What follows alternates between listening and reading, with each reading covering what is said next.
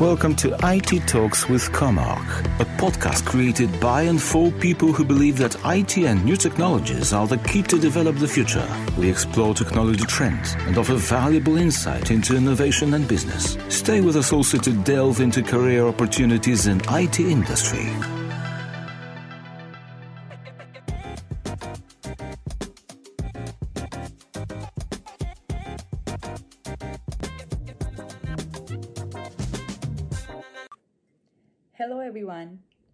To Coffee with Comarch Loyalty. My name is Bindu Gupta. I am the head of Loyalty Strategy Consulting at Comarch. In this podcast, we want you to take your coffee break with us and learn something new about marketing and loyalty from experts around the world.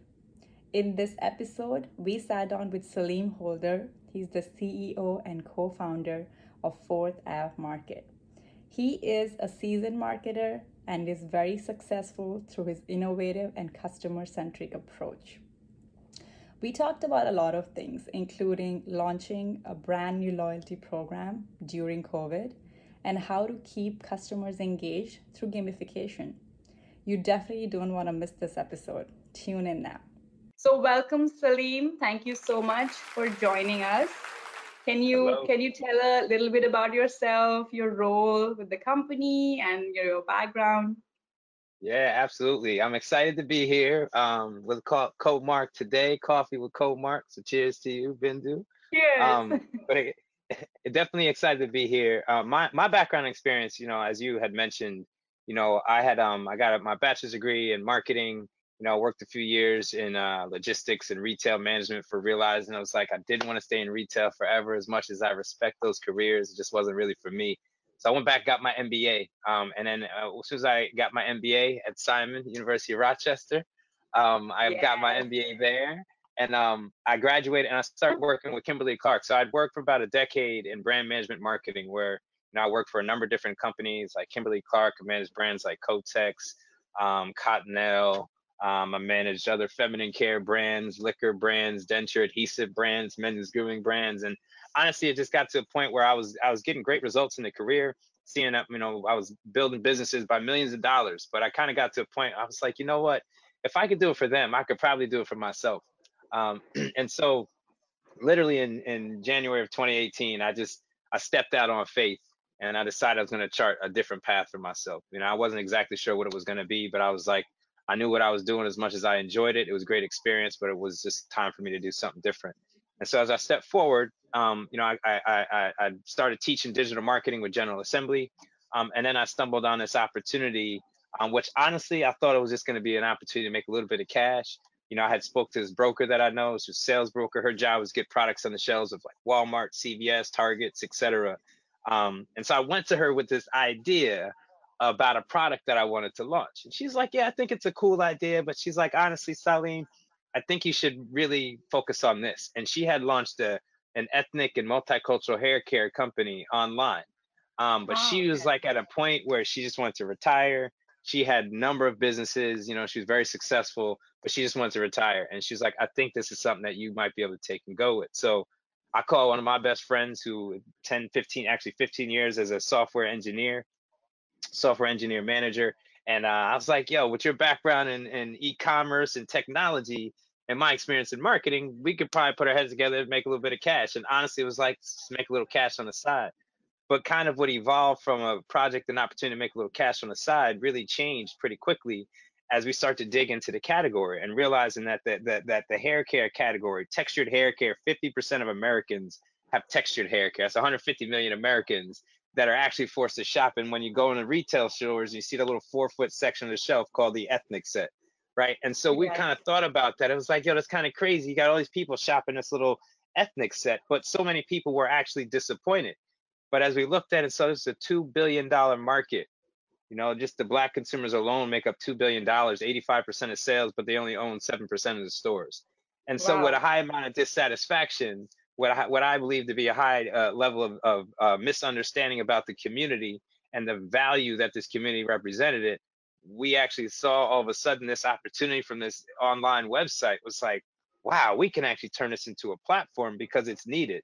So as consumers, 60% were leaving the stores and going online to shop. As I looked around, I was like, there's not really a, a well-known consolidated location that people can go to get products and information. You can get products on Amazon, but it's just right. like a database. You gotta kind of know what you're looking for. But when you want to know, will this work for my hair type? Will this work for me, etc. Other discover new products. You needed a different platform. And as I turned around and looked, I said, wow, that's what we have. And what we also didn't realize is that overnight, when we bought the site from her, what we overnight we became the largest black-owned online retail platform for ethnic and multicultural hair care in the U.S. Over 7,000 products on it. And so That's we awesome. launched this to start making money, but we evolved it as a way that we could really actually give back um, and see the money get recycled back into our communities as well. So that's been my that's mission wonderful. since I left. Yes, that that's wonderful. And I know there's a there's a history behind the name of uh, Fourth yes. Market. Yes, definitely. So, you know, some people have heard of uh, Black Wall Street, which was in Tulsa, Oklahoma. It was an area of uh, strong economic uh, um, presence for the Black community. Um, but it wasn't just the Black Wall Street in Tulsa, Oklahoma. There were a number of these different areas throughout the country. And Fourth Avenue District was one of those areas. Fourth Avenue District in Birmingham, Alabama, um, was one of those areas. And in fact, you've seen this area if you've ever seen the, the iconic footage from the civil rights movement or civil rights time when you've seen people getting laid out with fire hoses, kids getting laid out with fire hoses or attacked with the German Shepherds. That happened in the center of Fourth Avenue District. Or the, the 16th Street Baptist Church bombing where the four little girls were bombed. Um, that happened in the center of Fourth Avenue District. At the time 60% of black owned business was done right in the middle of that district of that fourth avenue district in birmingham. And so we looked at that and said as we saw that dollar would go around that community it was more than just making money. It was a community that was actually empowering each other and that was helping each other and sharing with each other so we want to take those same values and bring it into fourth ave and think about the, the 21st century model of that. And not even just specifically for the black community but thinking of communities of color and other communities that could truly benefit from having a stronger voice. So that's where that came from. Yeah no that's that's beautiful. And uh, i love i love the fact that you know you, you got this idea and then completely went into it. It's it takes a lot of courage. So that's amazing yeah yeah it so, was definitely course, tough of, yes of course, COVID impacted everything, everyone. How did it, you know, impact, uh, you know, a newer, newerish, you know, business like yours? And how mm-hmm. did you handle that? Like, what what steps did you take? So it it forced us to. Um, it was actually pretty amazing, you know, in the timing of it all. Because for us, we actually were about to start doing some advertising. We had launched the program. We had people coming to the site. We were trying to improve the the site experience so more and more people would actually purchase and find what they wanted on the site. And as soon as that people more and more people were coming more and more people were purchasing and finding what they want covid hit. And when covid mm-hmm. hit immediately there was two things. That one we were just putting money into advertising seeing things were actually were going up. But the good part of what we were doing as an online retail platform is COVID actually made it even better for us because of the fact True. that people couldn't go to the stores. And as I mentioned, there's a lot of people in the community that we're targeting that are still trying to figure out where can I find these products for me. So in that outside of that four foot ethnic set that they go to, there's a lot of stores in our community that do have products. But without those stores or without the other retail stores, then it's like a lot of consumers are going online, going at a site at a time, to try to find products, which was difficult. And then all of a sudden, they start to find us as they were searching for an e-commerce space. But then as COVID hit, the other impact is it hit a lot of people was, and our distributor couldn't ship products out for a good three weeks because of the fact that they had, uh, you know, everybody was sick, nobody could go to work. So once right. everybody came back and everybody was healthy, we started to be able to ship again, and we start to see our sales go up significantly. Um, the other channel, the other thing that happened, you know, around that same time was obviously when when George Floyd and the whole, you know, kind of peak of this Black Lives Matter movement, and and so that made what I believe was already top of mind for a lot of Americans more now aware and top of mind for mainstream America to see. And and that's mm-hmm. why I mean we started the business already. This was our mindset of kind of going after some of these ails that impact our community. And so we start to go down that path and we start to see this really strong, strong um, uh, uh, response from the community. You know, as the community is really excited about what we were doing. And so what we saw at that time though was it was important for us to actually build the community. So right. as we would bring people in and they would come in and they would buy, we were like, you know what we need to do is we need to give them incentives to keep them coming back. We need to get, right. find a reason to focus on retention and how can we keep these people and and and make sure they have an amazing experience, and make sure they can continue to come back and they can continue mm-hmm. to do more and more. And so for us, it became really important that as people were finding us this way, that they were kind of stumbling by accident to find us. And that it was also going to be a time where we were like, you know, they could easily go right back to what they were doing before. Um, but we don't want them to do that. We want to keep them. Right. So retention became really important for us during this time because we knew how we were getting people. So that's kind of how it kind of shifted and how it started to impact and shift a little bit of our strategic our strategy. Perfect. So what I understand is that retention, you took one step forward and you actually launched a loyalty program during COVID. Is that right? Absolutely. Absolutely. Yes. it was that important to us that we were like, we we need to do something and not just, you know, give a coupon here or there, but like to truly launch the program and think about how we can like put a whole heart effort in prioritizing the needs of these consumers who've already come, they've already purchased on our site some of them had a great experience. Many of them had a great experience. So we said, how can we continue to elevate this, make sure their experiences continues to be great? So we put incentives in place. We put different things. Now we're learning. You know, it's like yeah. we're learning with the program as a startup. Still, you know, we're trying to figure out where do we put our money. But we just figured, you know, everybody kind of that that old adage of just, you know, it's easier to to keep or more less expensive to keep who you have coming than it is to get new yes. people. So we were like, you know what? let's keep who we have here and let's do what we can to focus on them. So we then prioritize. That's why we launched the program and we've been really, you know, working on. I mean, obviously we've spoken to you a number of times and and, and got yeah. some counsel from Comarch on how we can even focus on the program. How you know uh, your advice was invaluable of how we should think about the program, how we could think about the strategies behind the program. So we had to launch it and, and, and it's been moving in the right direction, you know. So we're really excited about it. That's awesome. And we're so glad we could help. I mean, this is definitely the right time, even though it sounds like everything is chaotic and there's so much discussion about where to put your marketing dollars. But yeah. what we have seen as a trend is a lot of big brands also revamped their their uh, loyalty programs during this time. Like Sephora did, um, yes. and you know Gap did, Kohl's did. Yeah. So you can see the you know the mindset changing. Obviously, it's the need of the hour to retain your customer yeah, now. Definitely, definitely. It's definitely. not difficult for them to switch, right? Like especially not now. At all.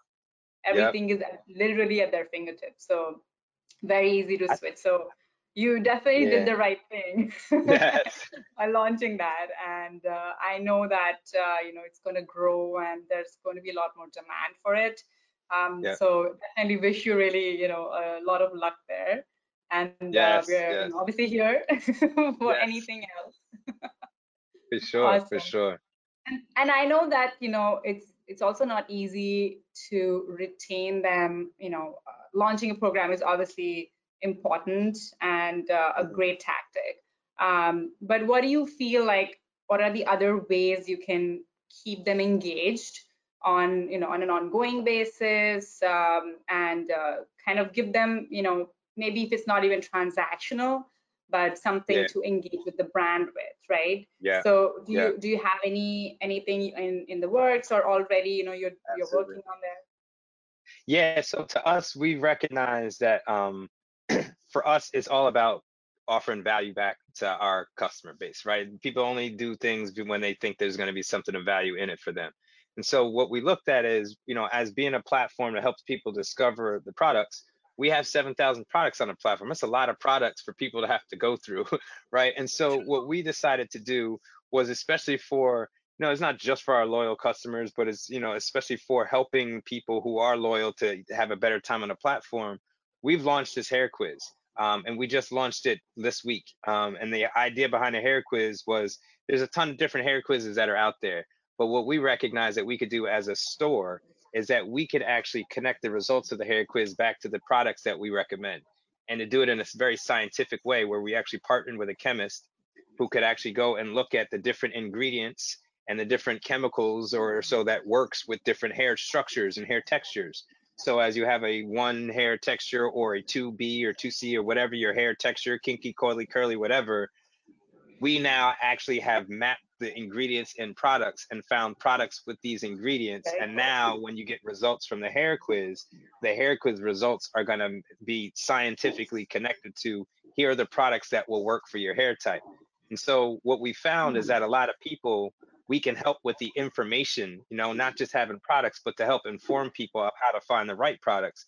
Because we know there's this discovery mindset that takes place in this category, of people looking to discover new items, new products, etc. But a lot of times people don't know that there's I didn't I never even heard of hair type before like, you know, a couple months back, you know?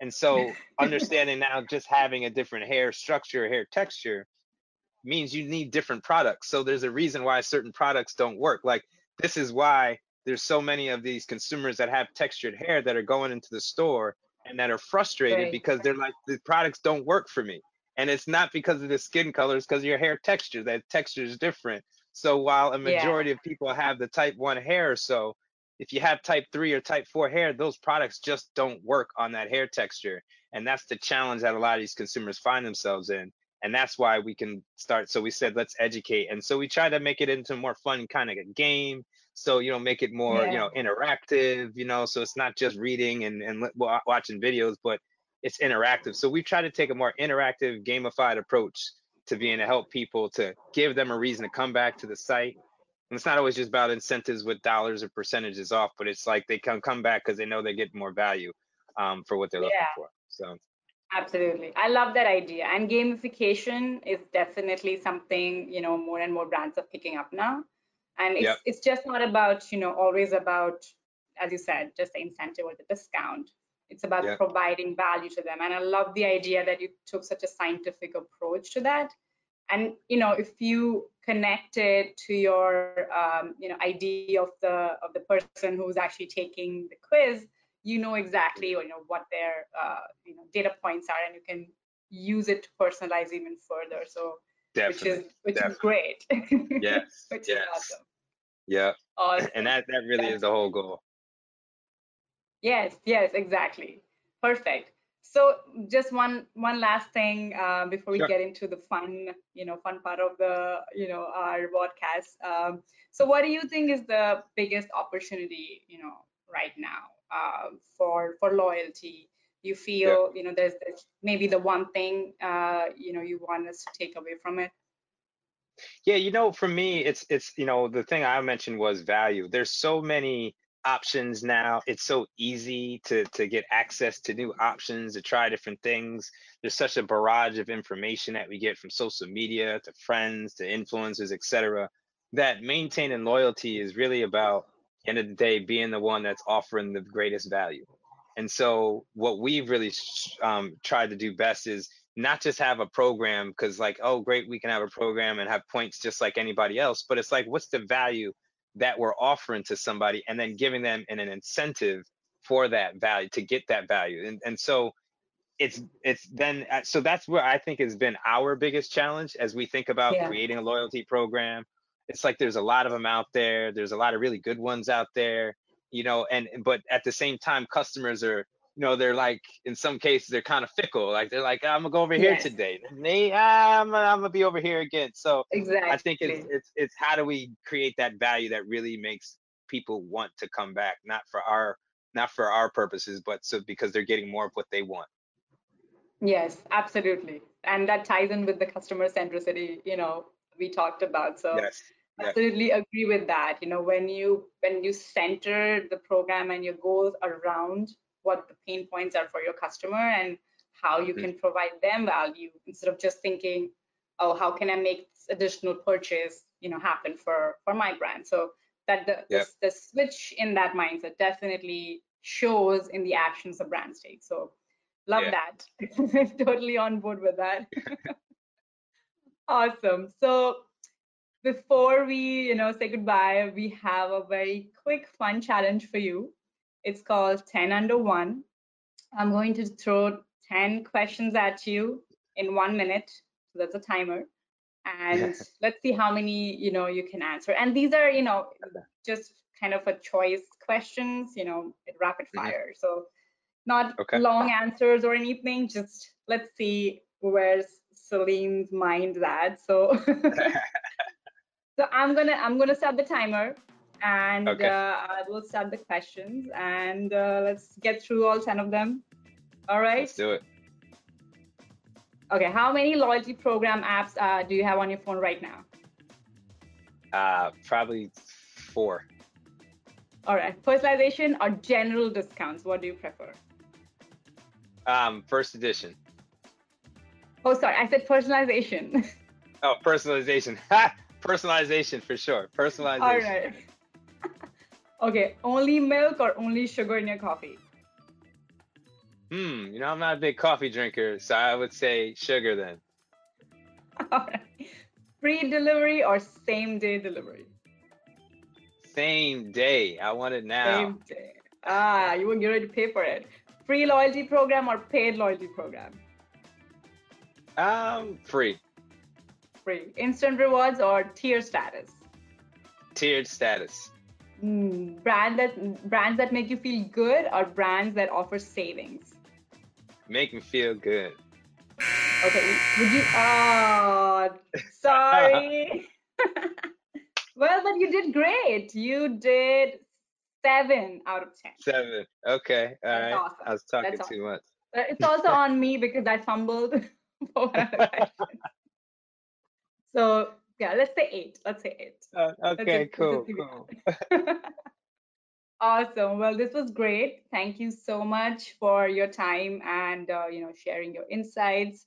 We love the fact that you know you launched a program during COVID and you're thinking about you know gamification to retain your customers and of course there's a lot more coming um, Yeah. i'm i know there are big things ahead of fourth ave market so you know really really loved having you here and uh, you know hopefully you know we can have another chat soon uh, once you Absolutely. you know once you kind of hit the crazy number of subscribers to Yeah. our memberships for your for your loyalty Yes. program we'll, we'll do this again for sure For sure. Well, listen, thanks again for having me. I really appreciate it. Love what you all are doing with this platform. I think it's great. And uh, I'm honored to have been here for it. Thank you so much. And for those who are uh, tuning in, thank you for you know joining us and having this coffee break with us. Yes. Uh, definitely, you know, uh, stay tuned for more uh, broadcast episodes. Uh, we will be seeing you soon. Thank you.